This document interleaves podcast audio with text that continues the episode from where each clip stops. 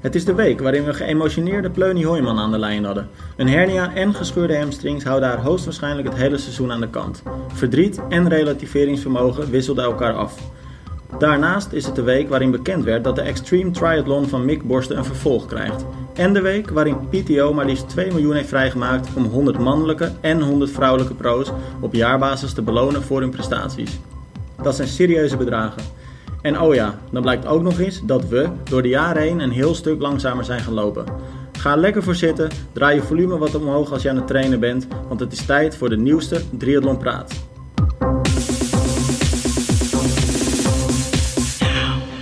Ja, de nieuwste Triathlon Praat. Eh, welkom terug ook Romy, want jij bent de afgelopen twee keer, uh, nou ja, moest je verstek laten gaan, maar je bent er weer bij. Ja, best een wonder. Nou, dat ik erbij ben is eigenlijk niet echt een wonder, vind ik zelf. Maar ik ben vooral blij dat Arjan er ook nog wel is. Want, uh, Hoezo? nou, ik dacht vorige week even dat het de verkeerde kant op ging. jullie, uh, ik zal even uitleggen, want Arjan en Tim die hadden een grapje met mij uitgehaald. Maar het was echt heel, het ging heel serieus. Um, ze kregen, hoe ging het nou? Oh ja, jullie hadden de podcast opgenomen, dus ik stuur een bericht, ging alles goed. Ik was er zelf dus niet bij. Nou, ja, maar dat was die podcast de laatste, hè, waarin ook Nadia te gast was. Ja, precies. Dus ik was er niet, dus ik denk nou even vragen hoe het, hoe het gegaan is. Ik dacht, nou, vast alles goed gegaan. Dus dan stuurt Arjan, nee, niet goed gegaan. Dus ik, oh, grappig toch? En Arjan, nee. En toen ontstond er een ruzie heel langzaam aan tussen Tim en Arjan. En het ging echt erg, hè? Het werd steeds erger. Op een gegeven moment begreep ik dat Arjan de, de kamer uit was gelopen. Gewoon weggelopen bij de podcast. Ik begreep nog steeds niet waar het over ging. Nou, het werd zo erg dat op een gegeven moment stond er in, stond er in de appgroep Arjan left dacht ik, oké, het is afgelopen. en ja, ik probeerde alles even ter verduidelijking, want we maakten jou eigenlijk een beetje wijs dat, dat ik iets gezegd zou hebben in de podcast, uh, waarin Arjan het dan totaal uh, niet eens was. En dat vond hij dan echt veel te ver gaan.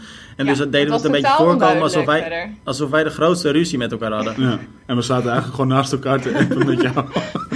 ja, ik had echt geen idee. In het begin dacht ik wel van, oh, die nemen we natuurlijk weer in de zeik. Maar ja, het werd zo serieus. Jullie werden echt helemaal boos op elkaar. echt, ja, wij zaten uh, inderdaad naast elkaar. We hadden de grootste lol. En uh, nou ja, uiteindelijk stuurden we jou gelukkig een foto waarin we, nou ja, duimpje omhoog en lachend naast elkaar arm in arm stonden. Dus ja, nou ja, de podcast gaat gewoon door. ja. Ja, precies. Hey, uh, maar goed dat je er wel, uh, wel weer bij bent en uh, dat is altijd, altijd leuk. Ehm, en een nieuwe intro hadden we deze week, want we doen het iets anders dan, dan we dat tot nu toe gedaan hebben. Maar dus de onderwerpen zijn al een klein beetje bekend. En laten we dan gelijk aftrappen met het eerste onderwerp. Um, en dat is die, ja, ik, ik, ik zei net trouwens Extreme Triathlon. Ik weet niet of hij het zo ook noemt. Extreme Triathlon, zo zou je het ook kunnen noemen. Maar Mick Borsten dus, natuurlijk geen onbekende. Die organiseerde vorig, vorig jaar zijn eerste editie van deze long distance triathlon in Amersfoort. En die keert terug in, in 2020, dit jaar dus. In mei uit mijn hoofd. Uh, ja. Een wedstrijd waar het wedstrijdelement, althans het is niet echt een wedstrijd, hè? het is uh, meer een soort, uh, ja, het zeg ja, niet oneerbiedig, maar een soort toertocht ja. voor triatleten met zwemmen, fietsen en lopen. Want je zwemt eerst in een zwembad, ja. vervolgens is het fietsen, maar dat is ook heel bijzonder natuurlijk, want dat is op een, op een mountainbike. Ja, en, ja, ik geloof iets van 100 kilometer aan single tracks, als het niet meer is. Ehm, heel vet. En dan nog een, eh, een marathon eh, lopen. En ehm, ja, het idee eh, bij Mick is natuurlijk ook een beetje ontstaan. Dat hebben we vorig jaar hebben we hem uitvoerig daarover gesproken. En nu is de boodschap van Mick eigenlijk hetzelfde. Zijn boodschap is, ja, die, die standaard wedstrijden, de Ironmans, de challenge, challenges, die zijn eigenlijk hij vindt ze te duur. Uh, nou, valt wat voor te zeggen, want het is natuurlijk een hele smak geld die je als atleet uh, neerlegt. Ja. Um, en hij zegt, ja, ik, ik heb daar helemaal geen zin in. Kom bij mij lekker zo'n uh, zo'n zo'n triathlon doen en helemaal gratis. ja, het is, het, het, is een tof initiatief, maar het is wel een hele andere markt die aanboort volgens mij. Ja, dat ook. en het is een hele andere wedstrijd. Um, en, het is ontzettend gaaf hoor, daar niet van. Alleen ik denk dat het totaal niet te vergelijken is met een Ironman, met een challenge. Dit is iets unieks. Een Ironman en challenge is iets unieks. Dus ja, gaaf dat dit er nu ook weer naast ontstaat en nu al voor het tweede jaar op rij wordt gehouden. Um, ik zag vorig jaar wat beelden voorbij komen. Vooral dat mountainbiken was er heel vet. En ik weet het, in de omgeving van Amersfoort kan je echt super mooi uh, mountainbiken, maar ook lopen. Pak je een beetje de Utrechtse heuvelrug mee ja. natuurlijk. Maar ja, ik weet niet, ik, ik, zou het best wel heel tof vinden om dat te doen. Aan de andere kant, ik weet niet zo heel goed wat ik nou zwaarder zou vinden. 3,8 kilometer in een zwembad zwemmen, dat is al best wel geestdodend. Ja. Of 180, ja, dat is echt heftig. Of 180 kilometer op een mountainbike. Volgens mij kom je echt stijf van die fiets af. geef mij maar 3,8 kilometer in een zwembad. Ja, dat denk ik ook. Keerpunten ja. en dan kan je tenminste lekker uh, afzetten en uh, uitdrijven en, uh, en weer door. Ja. ja, maar het heeft niet echt dat wedstrijdgevoel natuurlijk als je in een zwembad ligt. Nee, het is echt heel anders. Uh, aan de andere kant, het heeft ook wel weer zijn charme of zo. Want ik, vind, ik voel mezelf altijd wel bij een, een soort held als ik een keer 3,8 kilometer in een, in een zwembad zwem. Dat, dat voelt altijd wel extra goed of zo. Ik weet niet waarom, maar... Ja, het is wel geestdodend inderdaad. Hoor. Want ik heb vroeger, ik zit even terug te denken, de uh, LAC-competitie was dat nog. De lange afstandscompetitie van de KZB gezommen. Dan had je de 800, de 1500 en de 2 kilometer, dacht ik. En 2 kilometer was de langste afstand. Nou, dat Som je dat op een dag dan? Nee, nee, nee. Dat ah. waren drie wedstrijden en dan had je een totaalklassement.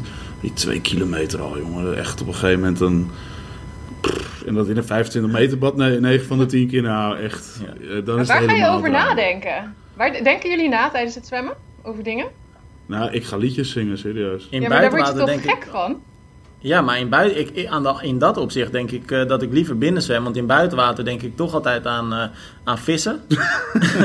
ja, toch altijd een beetje, beetje... Ja, angst is, is echt een veel te groot woord. Maar je bent er toch mee bezig. En bij alles wat je dan aan je vingers of aan je tenen voelt... denk je, oh, ik hoop maar niet dat het een vis is. Of een rat.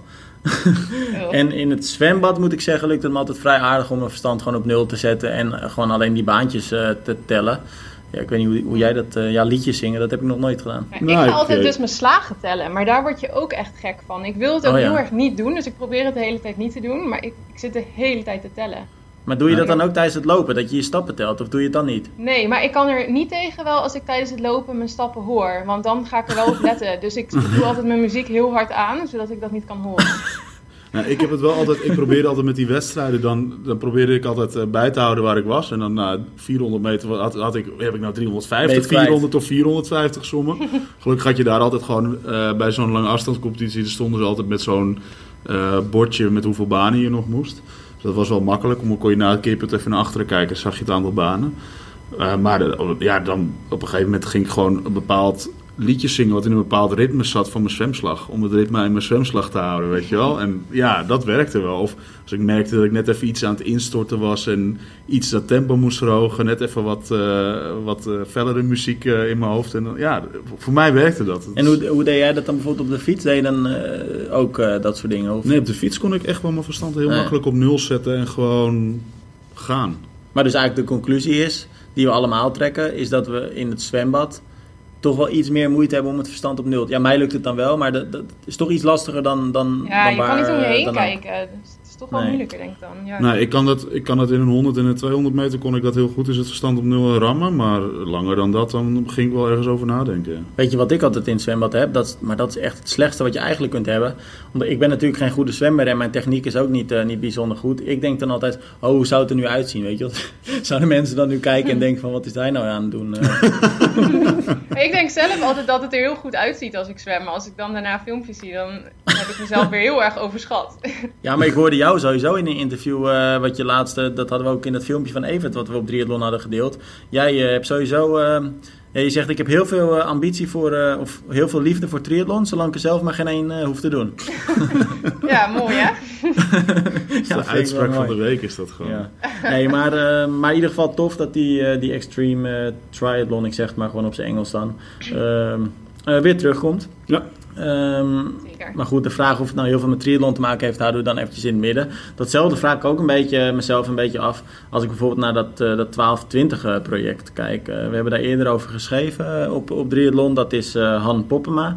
Die, ehm, ja, het is echt bijzonder knap wat hij aan het doen is. Het is hij doet elke, elke maand van 2020, dus januari tot en met december, 12 maanden, doet hij dan een, een long distance. Dus hij heeft in januari, nou, volgens mij heeft hij afgetrapt in, in Groningen.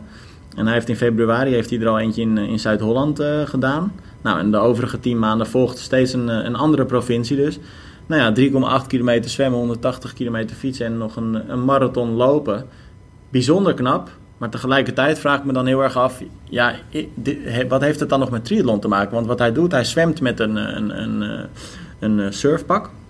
Hij fietst in groepjes. En hij stopt ook onderweg bijvoorbeeld gewoon met een, om, een, om een lekker stukje appeltaart te nemen. Geef hem eens ongelijk. Ik bedoel, ik zou precies hetzelfde doen. Um, nou ja, en dan dus nog het lopen. Maar kunnen we dat dan nog een, echt een long distance noemen, Arjan? Ja, weet je, het is, het is natuurlijk triathlon. Het zijn gewoon de drie sporten. Dus dat is de naam. Dus ja, het, het is een triathlon. Het is een long distance qua afstand. Alleen het heeft net zoals eh, ja, de extreme triathlon van Mick Borst. Het is geen, heeft geen wedstrijdelement. Uh, ik vind het ontzettend knap dat je dat. Nou, ik moet, ik moet er niet aan denken om in januari in het koude 3,8 kilometer in koud water te liggen. Dus nou, alle, alle respect daarvoor. Maar, Absoluut. Um, ja, het, het, ja, het is een triathlon en het is... Ja, maar een triathlon, een long distance, mag je ook gewoon niet steren. Nee, dus het is, ja, het is in, in die vorm, het is de afstand die je doet. Ja. Uh, en de, de, afstand van een long distance. Maar het is ja, sowieso niet echt te vergelijken natuurlijk met een wedstrijd van een long distance. Wat vind jij, Romy? Ja, ik ben het daar wel mee eens. Ik zie dat toch meer uh, als een soort ja, leuke dag sporten, een lange dag sporten. En supergoed natuurlijk dat er geld mee wordt opgehaald voor het goede doel. En hartstikke leuk. Maar um, nee, ik zie het ook niet echt als een ja, triathlon ja, in zekere zin is het dat natuurlijk wel, want zwemmen, fietsen, lopen. Maar ja, dat wedstrijdelement ontbreekt gewoon. Ja. ik moet zeggen, ze doen dat goed hoor. Want uh, ja, zijn naam is me eventjes ontschoten. Maar uh, Han Poppema wordt in ieder geval ook gevolgd door een, uh, door een team. Ehm, zij hebben ook die podcast. Eh, hoe heet ze nou? Die zoon heet Joren. En die, die vader weet ik eventjes niet meer. Maar in ieder geval vader en zoon die hebben een, eh, een podcast. En die, uh, ja, die staat dan helemaal in het teken van, uh, van 1220 ook. Maar ze maken ook een hele documentaire van wat Han aan het doen is. En ja, social media houden ze bij. Dus dat is echt wel heel tof om te volgen. En als je dan inderdaad ziet hoe hij daar in een, ja, een beetje verkleumd in het, in het niemandsland staat. terwijl hij nog 100 kilometer ja, moet fietsen. En gewoon midden in de nacht. Precies. En wind tegen en regen. Weet je, het houdt hem allemaal niet tegen. Dus wat dat betreft echt petje af. Het is echt ja. uh, bijzonder. Nee, dat verhaal is ook hartstikke mooi zo. Ja, ja precies. Dat, dat is, ook zeker, uh, is ook zeker zo. Uh, een minder mooi verhaal is het verhaal van, uh, van Pleunie Ooyman. ja, want ik denk dat haar seizoen wel over is, Romy. Ja, ik denk dat als je... Want ze heeft dus een hernia en twee ingescheurde hamstrings. ik ben geen arts, maar dat klinkt niet best inderdaad om zo het seizoen in te gaan. Dus ik denk dat voor 2020 dat het er voor haar wel op zit. En ik ben benieuwd hoe ze, of ze terugkomt. Ik hoop het voor haar natuurlijk. Maar het is, ja. het, is echt uh, heftig, lijkt me, om hiervan terug te komen. Ja, zeker. Hernia is al niks, maar als je dan ook nog twee ingescheurde hamstrings erbij hebt, ja, of in, ja. Poh, en ze, hing, ze hing zelf ook een beetje op, op twee, uh, twee gedachten, uh, heb ik het idee nog. Want ik, ik sprak haar vorige week en toen uh, was het nieuws ook eigenlijk vrij vers voor haar. En, dus ze was echt wel emotioneel. En ze zei ook, ik ben eigenlijk uh, heel erg verdrietig. Zo zei ze het. Ik ben gewoon echt heel erg verdrietig. Maar aan de andere kant voegde ze er ook gelijk aan toe... Um, dat ze het echt heel erg graag wilde relativeren. En dat ze zei, uiteindelijk is het ook maar sport. En er zijn nog zoveel belangrijkere dingen in het leven. Dus wat dat betreft, weet je... En, en daar voegde ze nog aan toe... Um, iedereen, elke topsporter, uh, wie dan ook, de beste tot aan de wat minder uh, goede topatleten, maar iedereen die maakt gewoon, die heeft gewoon een keer een tegenslag. En iedereen die loopt een keer tegen een blessure aan. En ze zegt, tot nu toe heb ik eigenlijk altijd geluk gehad en bijna nooit geblesseerd geweest, nooit serieus geblesseerd geweest. Dus ja, ze, ze klopte het af en ze zegt, ja, dan moet ik hier misschien maar gewoon, uh, moet ik dit eventjes ondergaan en...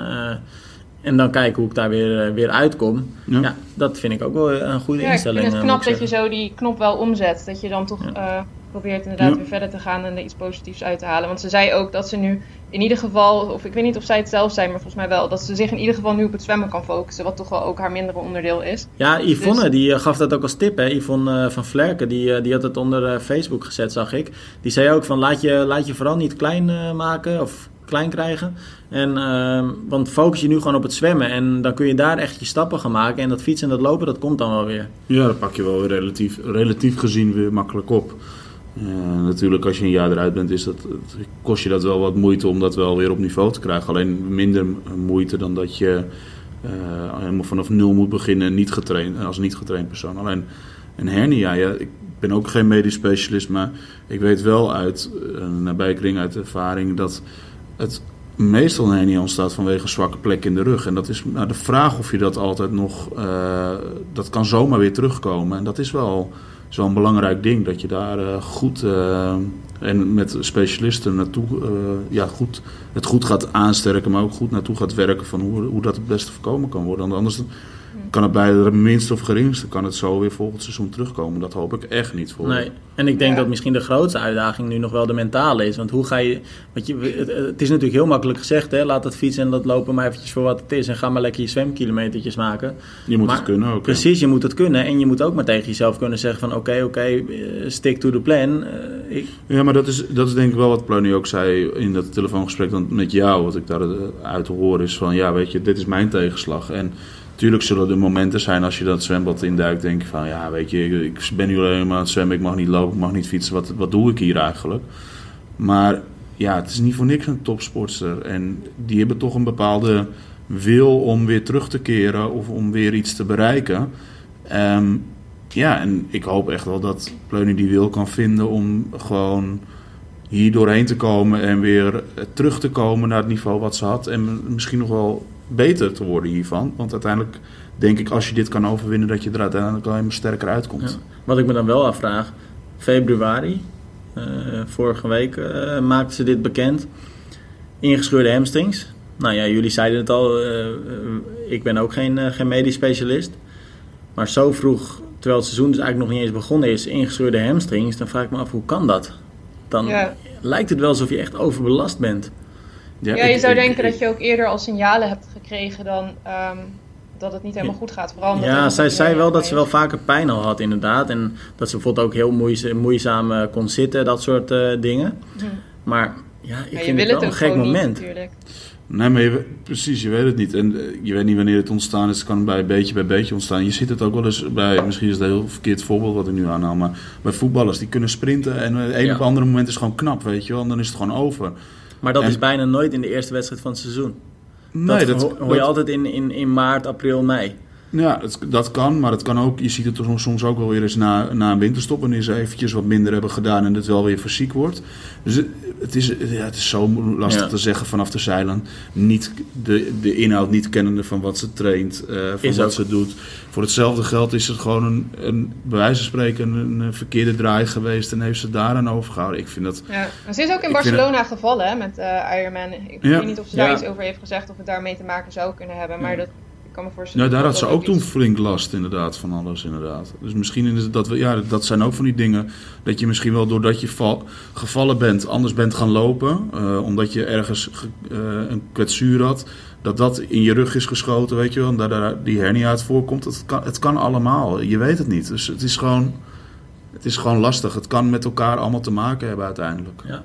Maar ik moet wel zeggen, het is wel, uh, wel sneu voor haar. Want ik had het idee dat ze de goede, goede kant op ging. Uh, nou ja, ze werd natuurlijk vorig jaar zevende in uh, Kopenhagen. Dus ze wilde dit jaar echt aangrijpen om voor het eerst onder die, uh, die ja, toch magische grens van 9 uur te duiken. Ja, en als je dan nu, ja, eigenlijk dus voordat het seizoen begonnen is, even met je neus zo op de feiten wordt gedrukt, dat is wel echt zuur hoor als topsporter. Ja, en ik zag, haar, ja, ik zag echt een paar weken terug nog beelden van bikefits en dat soort zaken van haar voorbij komen. Ja, die kunnen nu heel even de prullenbak in, omdat ze echt zich moet focussen op op het herstel. En ik hoop uh, dat, dat, uh, dat dat goed gaat en dat we Pleuny gewoon, uh, laten we zeggen, volgend jaar weer met de grote lach die we van haar kennen weer aan de start zien. Ja, laten we dat inderdaad hopen. Hey, en jij zegt focussen, over focus gesproken. Ik denk dat dus de top 100 mannen en vrouwenatleten uh, PTO-ranking zich gaan focussen op uh, ja, toch wel heel wat uh, geld verdienen. Ja, nou, we hadden natuurlijk al een paar weken terug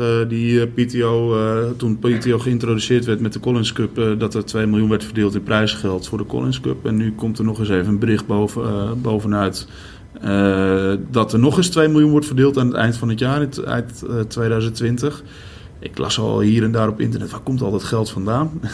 Nou ja, dat, eh, dat, is het voordeel als je PTO een paar uh, rijke mensen achter je hebt staan. Romy heeft er een heel goed stuk over geschreven. Dus daar uit Wales. ja. ja, precies. Een hele rijke miljardair is dat. ja, de rijke miljardair is nogal dubbel op. rijke man. Nou, dat is, dan ben je heel rijk. Als je dat ja, dan ben je heel rijk. Ja, heel rijk, ja. Next nee, level. Maar, ja, weet je, het is wel zo inderdaad van uh, eh, 2 miljoen over die top 100. En daar zit uh, een beetje een staffel in, hè, wat ik begrepen heb. Dus de uh, eerste atleten die krijgen een ton. Dan loopt dat af tot 10.000 dollar. En dan van, tot de nummers 20? Tot de nummers 20, ja. En dan nummers 20 tot en met 21 tot 50, 5.000 dollar. En dan 51 tot 100, iets van 2000 dollar volgens mij. En dan heb je inderdaad dus een, die 2 miljoen die verspreid wordt over die, die top 100. Maar dat zijn wel echt serieuze bedragen hoor. Want natuurlijk, 2000 euro klinkt misschien niet veel. Maar als je bedenkt dat je dat dus krijgt als nummer 100 ja, het is mooi. Het is echt wel veel. Als je een prima seizoen draait als triatleet en je bent niet iemand die altijd de wedstrijden wint, nou dan verdien je denk ik niet snel meer dan 10.000 euro. Dus dan gaat het al snel om 20%, van je, ja, je hele opbrengst een seizoen lang. Dus ik vind 2000 euro uh, echt wel een mooi bedrag. En helemaal als je bedenkt dat het dus echt alleen om die end-of-the-year bonus gaat. Hè? Want dat staat dus helemaal los van al het prijsgeld dat je kunt verdienen. En dan nog die PTO-bonussen die, die ze ook bij niet alleen de Collins Cup, maar waarschijnlijk op den duur ook nog bij meer uh, wedstrijden gaan, uh, gaan introduceren. Dus dan verdien je er echt een heel dik belegde boterham aan als je goed presteert. Ja, ja en wat, wat ik gewoon mooi vind is dat uh, vooral nu ook de diepte van het prijsgeld voor mannen en vrouwen gelijk is. Het is niet zozeer we doen de nummers 1 tot en met 100 bij de mannen en de nummers 1 tot en met 50 bij de vrouwen. Nee, het is gewoon allemaal nummers 1 tot en met 100.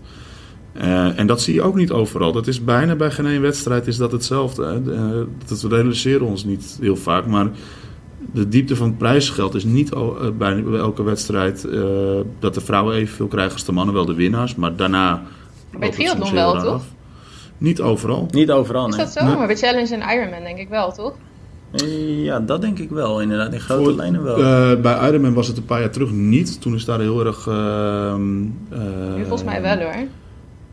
Nee, was, tot een paar jaar terug was dat nog niet. Ik denk ja, een paar jaar, vijf, zes jaar geleden was dat nog niet. Toen is er nog best wel wat roering over Ja, maar nu inderdaad wel, wat Romy zegt. Ja, nu wel inderdaad. Maar weet je, het is, niet no, het is niet de normaalste zaak van de wereld. Je ziet het gewoon bij een heleboel wat kleinere wedstrijden. Ook dat je bij de top, de top vijf mannen prijsgeld krijgt en de top drie vrouwen prijsgeld krijgt. En dan denk je, ja, weet je waarom niet de top vijf allebei of de top drie allebei? Maar ja, dat heeft ook wel een beetje met de breedte van het veld te maken. Jawel, maar weet je, uiteindelijk wil je wel de gelijke. Um, je wil ook hadden vorig jaar, eh, vorige week Nadia in, in de podcast. Die, stimuleert ook vrouwen om weer aan triathlon te doen. Je wil meer vrouwen stimuleren. Dus dan moet je het ook ja, zo aantrekkelijk mogelijk maken. Ja, maar dat, dat, ben ik helemaal met je eens. Maar dat is dus ook wel die vicieuze cirkel waarin je zit. Want het is natuurlijk ook een beetje gek als je 100 mannen hebt en dan krijgt de top 5 of top 10 krijgt geld. En je hebt bijvoorbeeld 6 vrouwen en dan krijgt nog steeds de top 5 of top 10 geld. En ja, maar je wil juist die vicieuze cirkel doorbreken door te laten zien van we, we hebben dat uiteindelijk nu gelijk getrokken. En kom maar vrouwen, kom sporten. Want we zien nog steeds dat in een heleboel wedstrijden nou uh, het vrouwenpercentage onder de 20% is, uh, ten op, onder de 20% is van het totale aantal deelnemersveld. Ja, dat wil je gewoon veel meer omhoog hebben. Ja, maar ik, ik, ik, ben het vaak met je eens, Arjan. Maar dit zijn wel twee totaal verschillende dingen. Want het is natuurlijk niet zo dat jij, als je het prijsgeld van, een prof, van de pro's omhoog gooit, dat je daarmee vrouwen stimuleert om meer te gaan sporten. Want die vrouwen die überhaupt al enige kans maken om het prijsgeld te gaan pakken. Dus dan heb je het over die top 10, top 5, eh, zeg maar, zelfs top 20. Dat zijn allemaal vrouwen die toch al sporten. Ja, bij de PTO wel. Kijk, we hebben het over het prijsgeld maar van de prijzen, PTO geld Ironman, prijzen, geld challenge, geld nou, Maar ook als je dat al in kleine wedstrijden gelijk trekt, dan denk ik dat je het wel gewoon het signaal alleen al uit draagt als triathlonwereld. We zien daar geen verschil in. En dat nee, maar, dat, maar, dat, is, maar dat is dus wel het grootste verschil in die discussie. Want het, bij de grote wedstrijden gaat dat het verschil niet maken. Nee, nee, het gaat niet om de grote wedstrijd. Het gaat ook voornamelijk voor mij om de kleine wedstrijd dat je dat verschil wel kan maken. Ja. Maar het, signaal zou mooi zijn, maar ik vind het wel, bij de triathlon is het ook wel een groter verschil misschien dan in veel andere sporten, wat het niveauverschil is tussen uh, mannen en vrouwen. Je hebt gewoon nog best wel regelmatig pro-wedstrijden waar um, minder pro's aan de start staan. Het zal minder zijn, want het is volgens mij veel beter geworden. Maar het gebeurt nog dat er pro's minder aan de start staan dan er prijsgeld is. Ja, er was ook ooit een keer in Thailand bij een wedstrijd waar vijf waren die meededen, vijf pro's, en er top zes uh, prijzengeld kreeg. Ja, maar dat vind ik dat is, is sowieso dat is heel raar. Maar dat vind ik sowieso het hele raar aan, aan de triathlonwereld. Hoeveel wedstrijden hebben we waar pro's aan deel kunnen nemen? Als, je Ironman en, als we op de lange afstand focussen, als je Ironman en Challenge even bij, bij elkaar optelt. En dan is het toch, ja, dan is het ook niet raar dat je wedstrijden hebt waar bijna geen pro's aan de start staan. Want het zijn er zoveel op een gegeven moment. Dat kan, het kan bijna niet. Dus je ziet dat bij de WTS is dat natuurlijk al heel anders. Daar heb je gewoon een serie van zes, zeven wedstrijden. Daar staat iedereen aan de start. Daar staan alle toppers allemaal aan de start. En we hebben het er al vaker over gehad in de podcast ook van... Weet je, je, kan als een... Ik noem even een voorbeeld, het gebeurt niet, maar een Jan Frodeno uh, één wedstrijd uitzoeken waarvan je denkt, nou daar staat bijna niemand aan de start en ik laat me het hele jaar niet zien. Je kan relatief als lange afstand pro, kan je relatief onder de radar sporten tot Hawaii, zeg maar. En dat is, ja, dat is eigenlijk wel zonde. Je zou veel meer à la tennis of het golf een paar majors willen. Uh, wat nu een beetje. ik hoop dat PTO dat gaat stimuleren. Dus dat je bijvoorbeeld bij de Collins Cup een soort major wedstrijd wordt, Hawaii major wedstrijd.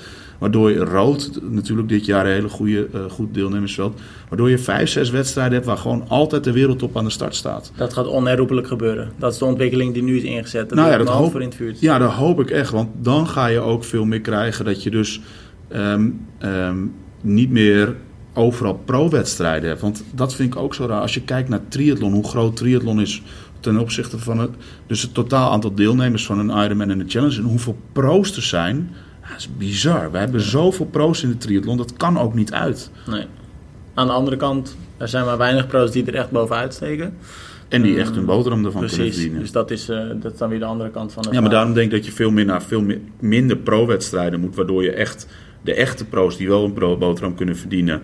Uh, dat daar tegen elkaar kan laten strijden. En dan veel geleidelijker die opstap kan laten maken richting het, iemand die pro wordt. En niet, nou, ik word een keer ik noem even vijftiende bij een bepaalde Ironman, maar, uh, en dan ga ik pro worden. Nee, ja, dat is, ja. zo werkt het denk ik niet. Ja, nee, dat is inderdaad een probleem waar je tegenaan loopt. Maar aan de andere kant, uh, zoals jij het nu schetst, dat zou ook nog eens heel goed zijn voor, uh, voor het publiek. Want ik denk dat het voor het publiek ook veel leuker is als je in plaats van alleen al wij gewoon vier, vijf wedstrijden hebt gedurende het jaar waarin je denkt van oké, okay, hier staat echt de wereldtop aan de start dit moet ik gewoon zien. Die meten ze precies. met elkaar. Ja, en dan precies. krijg je ook beetje weer de, dat effect. Beetje de klassiekers van het wielrennen. Daar weet je gewoon dat daar echt de top van de wereld aan de start staat die daarin gespecialiseerd is. Uh, Tour de France, uh, Vuelta en dat soort zaken. Je weet dat daar de top aan de start staat. Het zou veel mooier zijn, wat mij vind ik, ook gewoon qua charme van de sport. Dat je echt veel meer strijd krijgt. Ja. Ja, En niet dat, er, niet, niet dat er een, bij wijze van spreken, één iemand met 20 minuten voorsprong wint. In dat opzicht, uh, want jij zegt 20 minuten voorsprong winnen. Want dat is ook nog belangrijk, hè, dat dat niveau heel hoog blijft. En toevallig heb jij daar een, uh, een tof artikel over geschreven, Romy. Want jij had wat, uh, wat onderzoeksgegevens uh, gevonden. Waaruit blijkt dat de marathontijden de laatste jaren veel, veel langzamer geworden zijn. De gemiddelde marathontijden. Ja, ja, mensen zijn op de marathon er niet harder op gaan lopen. Als je, er is een onderzoek um, van, hoe moet ik even zeggen, Pro Run, geloof ik. Ja. Ja. Nee, het is Om- niet ProRun. Oh. Wat het dan wel is, weet ik niet, maar niet ProRun. Een onderzoek ProRun is een onder- Nederlandse website. Run Eh, Repeat, denk ik. Oh ja, ja, je hebt gelijk, sorry. Onderzoek van Run Repeat. Ehm, onder 107,9 miljoen eh, marathonuitslagen over 70.000 evenementen in de hele wereld. En dat is vanaf 1986 tot 2018, dus ze hebben echt veel gegevens.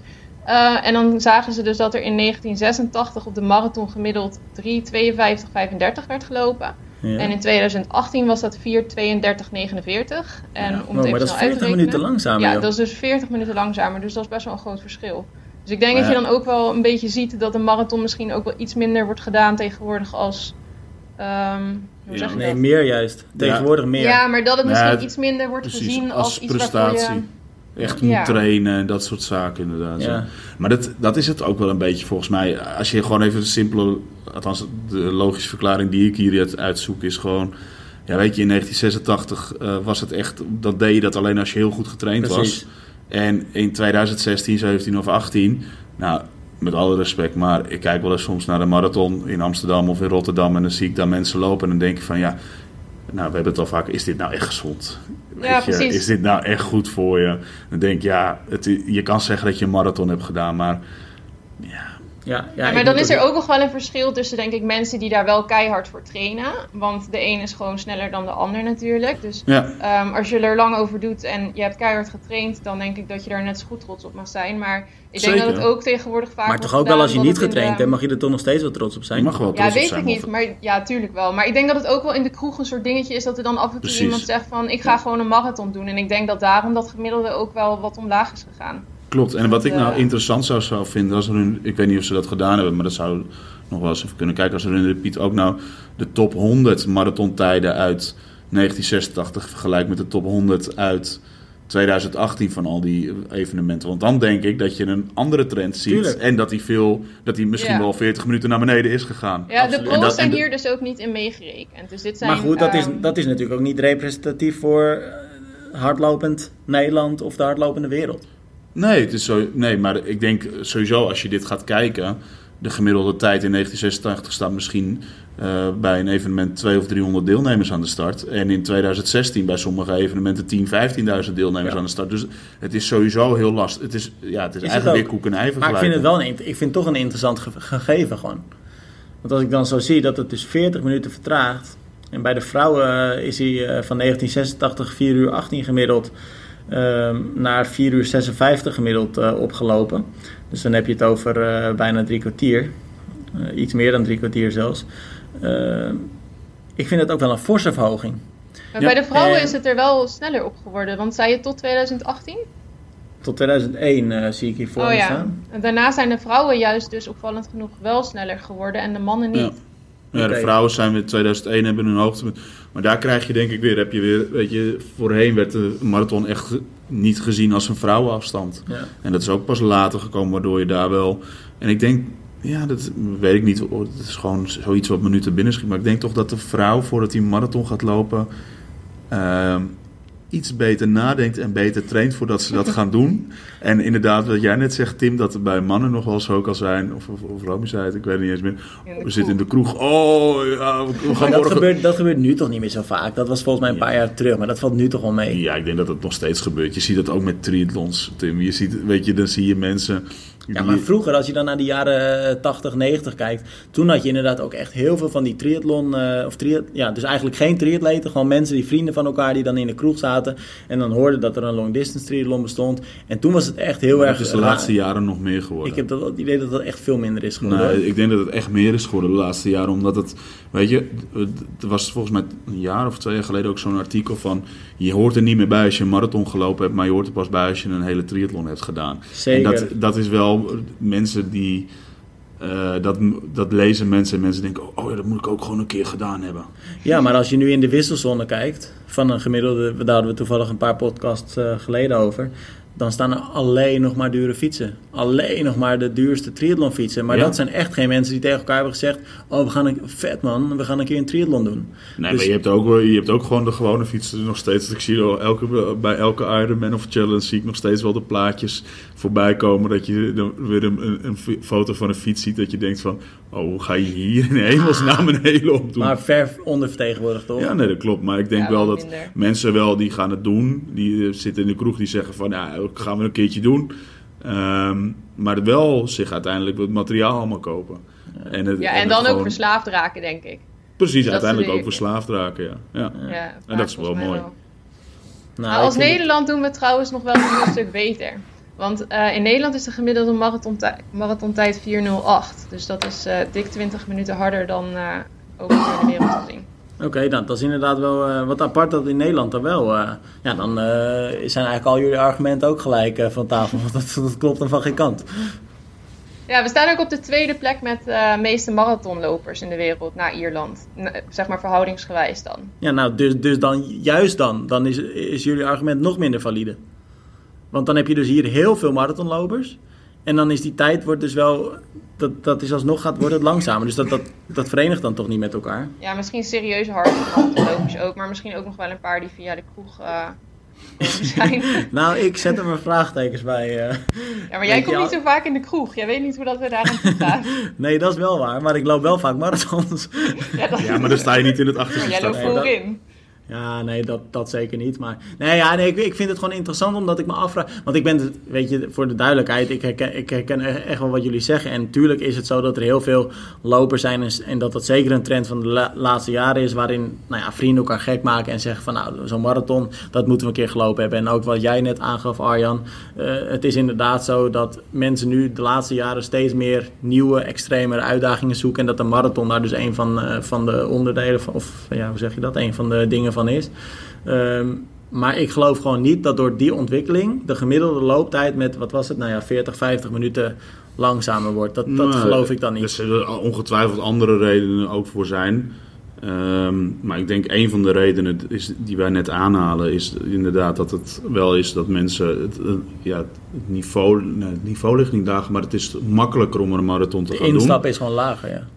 En misschien is er wel een andere reden, maar ja, dit is echt speculeren. En Ja, nog een klein antwoord op de vraag is ook wel, eh, dat staat ook in het artikel, dat eh, de gemiddelde leeftijd ook iets omhoog is gegaan. Dus er zijn ook wel Ah, ja. wat meer oudere mensen die gaan lopen. En dan is het natuurlijk ook wel weer logisch dat die tijd wat omlaag gaat. Want de Ja, leeftijd in 1986 gemiddeld was 35 en nu is het 39. Dus dat scheelt toch ook Ja, wel dat scheelt ook wel iets. Dus je, je ziet dus inderdaad één dat het de instap lager is, dat de gemiddelde leeftijd iets hoger is. En twee misschien ook, of drie dan eh, misschien ook nog wel, dat er veel meer marathons bijgekomen zijn over Dat- de hele ja. wereld. Dus vroeger had je eh, alleen maar de grote marathons in bepaalde eh, delen. En was het Snellere niet van- parcoursen. ja, parcoursen. parcours, maar was het ook niet mogelijk als je eh, ergens woonde om, eh, om de hoek een marathon te doen. En als je nu alleen al in Nederland kijkt, Ja. zie je ook gewoon dat elke stad bijna een marathon heeft. Ja. hey Romy, jij luistert toch ook altijd die eh, podcast eh, De Pacer? Ja? Ja, want zij hebben het ook hierover gehad, hè? Dat, dat bedenk ik me nu ineens. Want zij hebben, dat is voor de mensen die die podcast niet kennen, een echt aanrader trouwens. Dat is van eh, Pim Bel, sportverslaggever van het AD. En, ehm, ja, hoe heet die? Een Kan je soort niet race... helpen, ik ben echt slecht met namen. Ja, het is een soort race director van, ehm, van de Rotterdam Marathon in ieder geval. Ehm, ook een hele bekende, maar zijn naam is me eventjes ontschoten. Eh Brommert, geloof ik. Maar die hebben, het, hebben het... Nou, ik ga er helemaal van stotteren. Maar die hebben het er met elkaar ook over... Dat die tijden dus inderdaad heel veel eh, lager eh, uitkomen dan een paar jaar terug. En dat het dat ze eigenlijk ook wel een beetje opteren voor het instellen van een, eh, van een limiet. Dus dat een organisatie bijvoorbeeld mag, moet zeggen van nou ja, je moet eigenlijk een eh, marathon gewoon binnen die vier uur lopen. Of binnen de 3,5. En anders eh, ja, heeft het gewoon te weinig met lo- hardlopen te maken en zouden we het moeten, moeten verbieden. We zien het natuurlijk nu ook al bij, tri bij triathlons heb je dat al. Bij de hele triathlons, laat ik het zo zeggen. Ja, maar die limiet ligt niet helemaal gelijk aan een prestatie van 3,5 uur op een marathon. Nee, dat ik vind vrij 3,5 voorzet. uur vind ik ook wel echt wel heel extreem. Dan denk ik dat je... Ik vind het best wel wat dat een, een race director dat van eh, Rotterdam Marathon dat zegt. Want dan denk ik dat ongeveer 75% van zijn deelnemersveld weg Ja, hij zei het niet. Hè. Het was een discussie die ze Ja, voerden. oké. En Ja, ze hadden zoiets hij van, is nou kunnen we niet die kant op. Hij is Nee, een maar- pro-director of zo, dus hij is oké. natuurlijk de snelle Ja. tijden gewend. Hij, eh, ja, hij stimuleert en hij heeft het contact met alle pro's. Dat is Ja, het ja. inderdaad. Nee, maar weet je... het- Erik Brommert, geloof ik. Kan dat? Ik heb geen Ja, idee. Ik eh, ben daar heel slecht ook in. Eh, ik, vind, ik, ik vind wel wat te zeggen inderdaad voor, voor maximum tijden inderdaad. Eén ook gewoon uit organisatorisch o- oogpunt. Hè? Wanneer kan je uiteindelijk, eh, moet je op een gegeven moment moet je ook eh, je parcours weer, de wegen weer vrijgeven, parcours weer vrijgeven en dat soort zaken. Ja, en als er dan nog iemand eh, bij wijze van spreken een uur achter de ene laatste loopt, ja, het is wel lastig hoor. Ik heb het inderdaad eventjes opgezocht en het gaat inderdaad om, eh, om Erik Brommert, ehm, race manager van, eh, van de Rotterdam Marathon. Maar ehm, ja, ik vind het, het is lastig en eh, ik ben het, het, het is heel lastig om daarin een, een stelling te, te hebben, vind ik. Want aan de ene kant zeg je, ja, het is goed als het niveau van de lopers een beetje omhoog gaat. Ehm, maar aan de andere kant eh, vind ik het ook gewoon heel mooi als iedereen eigenlijk kan instappen en op ieder niveau kan meedoen. Want ik eh, neem net zo erg mijn petje af voor iemand die, eh, die 6 uur over een marathon loopt, dan voor iemand die er eh, 2,5 uur over doet. Ik, Ja. ik, weet je, dat verschil zie ik niet echt. Ondertussen krijgt Arjan hier een half hoestaanval. Dus mocht er eh, wat geluid er doorheen komen, excuus daarvoor. Klop Ja, even maar vind jij dat ook, eh, ja, maar vind jij dat ook, Romy? Of eh, kijk jij er anders Nou, naar? ik vind, jullie noemden net een, marathon, of een limiet zetten van 4 uur, 4,5. Dat vind ik wel heel scherp. Want ik denk dat er mensen zijn die, die dat soort tijden lopen of langzamer, die wel echt keihard hun best doen. Wat ik eigenlijk straks Ja. ook al even zei. Eh, en die gewoon heel hard trainen. Maar die Pim zegt dat ook in die podcast. Er zijn ook heel veel mensen. En dan heb ik het dus denk ik weer een beetje over de kroegmensen. Die toch een beetje weinig respect hebben. Dat zegt hij letterlijk. Ze hebben te weinig respect voor de afstand. Ja. Dus Ja. ze zeggen van, eh, oh ik, ik loop even drie keer een beetje hard en dan vervolgens wandel ik half, zeg maar, een marathon. Eh, maar ik denk dat je dus niet misschien een limiet moet zetten zo scherp, maar dat je gewoon dat dat, dat, dat een beetje moet veranderen hoe we dat, eh, die opvatting of zo. Ja, want jij hebt echt een hekel aan, nou ja, een hekel. Maar vind jij, jij vindt het dan niet echt een, een goede prestatie als mensen ook stukken lopen of wandelen dus? Nou kijk, ik zou nu geen marathon gaan doen omdat ik niet getraind ben. Dus als ik nu een marathon ga doen om te zeggen, ik heb een marathon gedaan en ik wandel echt veel. En nou ja, ik vind het trouwens niet slecht als mensen wandelen. Maar ik vind vooral dat mensen er echt alles voor moeten geven. Dat je er echt keihard voor moet trainen. En ik heb geen zin bijvoorbeeld om hard te trainen voor een marathon. Dus loop ik geen marathon. Want ik vind Nee, maar het is grappig dat je- laatste wat je zegt, want daar, daarom haakte ik er eventjes op in. Want hoe kijk, want ik kan me dus ook voor, ik heb dat zelf ook wel eens gehad, dat ik echt goed getraind was voor een marathon. Ehm, ik liep dat jaar daarvoor 3 uur 29, even de indicatie. En toen dacht ik dat jaar erop van nou, nu, nu ga ik echt gewoon richting die 3 uur. Misschien heel, misschien zelfs eronder. En eigenlijk was het gewoon, ik was ook echt goed getraind. En toen na 10 kilometer of zo kreeg ik heel veel uh, last van blaren. Vraag me niet de reden, dat is nog steeds een beetje onduidelijk, maar in ieder geval heel veel last. Nou, 10, 10 kilometer verder kreeg ik ook nog heel veel steken. Dus alles kwam, ja, viel eigenlijk gewoon verkeerd. En toen dacht ik, ja oké, ik kan nu twee dingen doen. Of ik ga gewoon hele stukken wandelen, maar wel naar die finish. Of ik stap uit.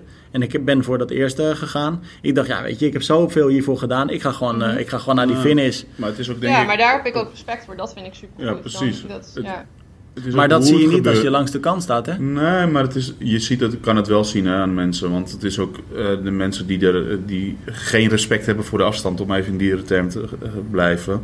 Die zie je echt wel na een kilometer of 30, 35 niet meer wandelen, maar zwalken. Ja. En, en daar zit wel het verschil in. Ja. Um, maar ja, ja, er is wat voor te zeggen. Ja, ja wandelen is ja, maar... niet erg. Laat ik dat even heel duidelijk maken. Ik vind niet dat wandelen in een marathon erg is. Maar ik vind dat je wel je best ervoor moet doen, zeg maar. Ja, ja, ja. Nou, laten we hem daar uh, gewoon op afsluiten. En dan uh, gaan we Terwijl Arjan in het, nou, Arjan heeft het echt uh, goed te pakken, geloof ik. Want hij loopt nu zelfs de ruimte loopt echt uit, Romy. Ja, nu loopt hij er echt uit, want hij is echt... Uh, nou ja, er zit denk oh. ik echt iets uh, niet goed in zijn keel. Oh, of hij shit. wordt niet lekker. Dus dan gaan we hem gewoon met z'n tweeën afsluiten. En dan ga ik snel kijken hoe, hoe het met Arjan is, denk ik. aflevering Oké. Okay. Romy, thanks weer, hè. Yo, doei.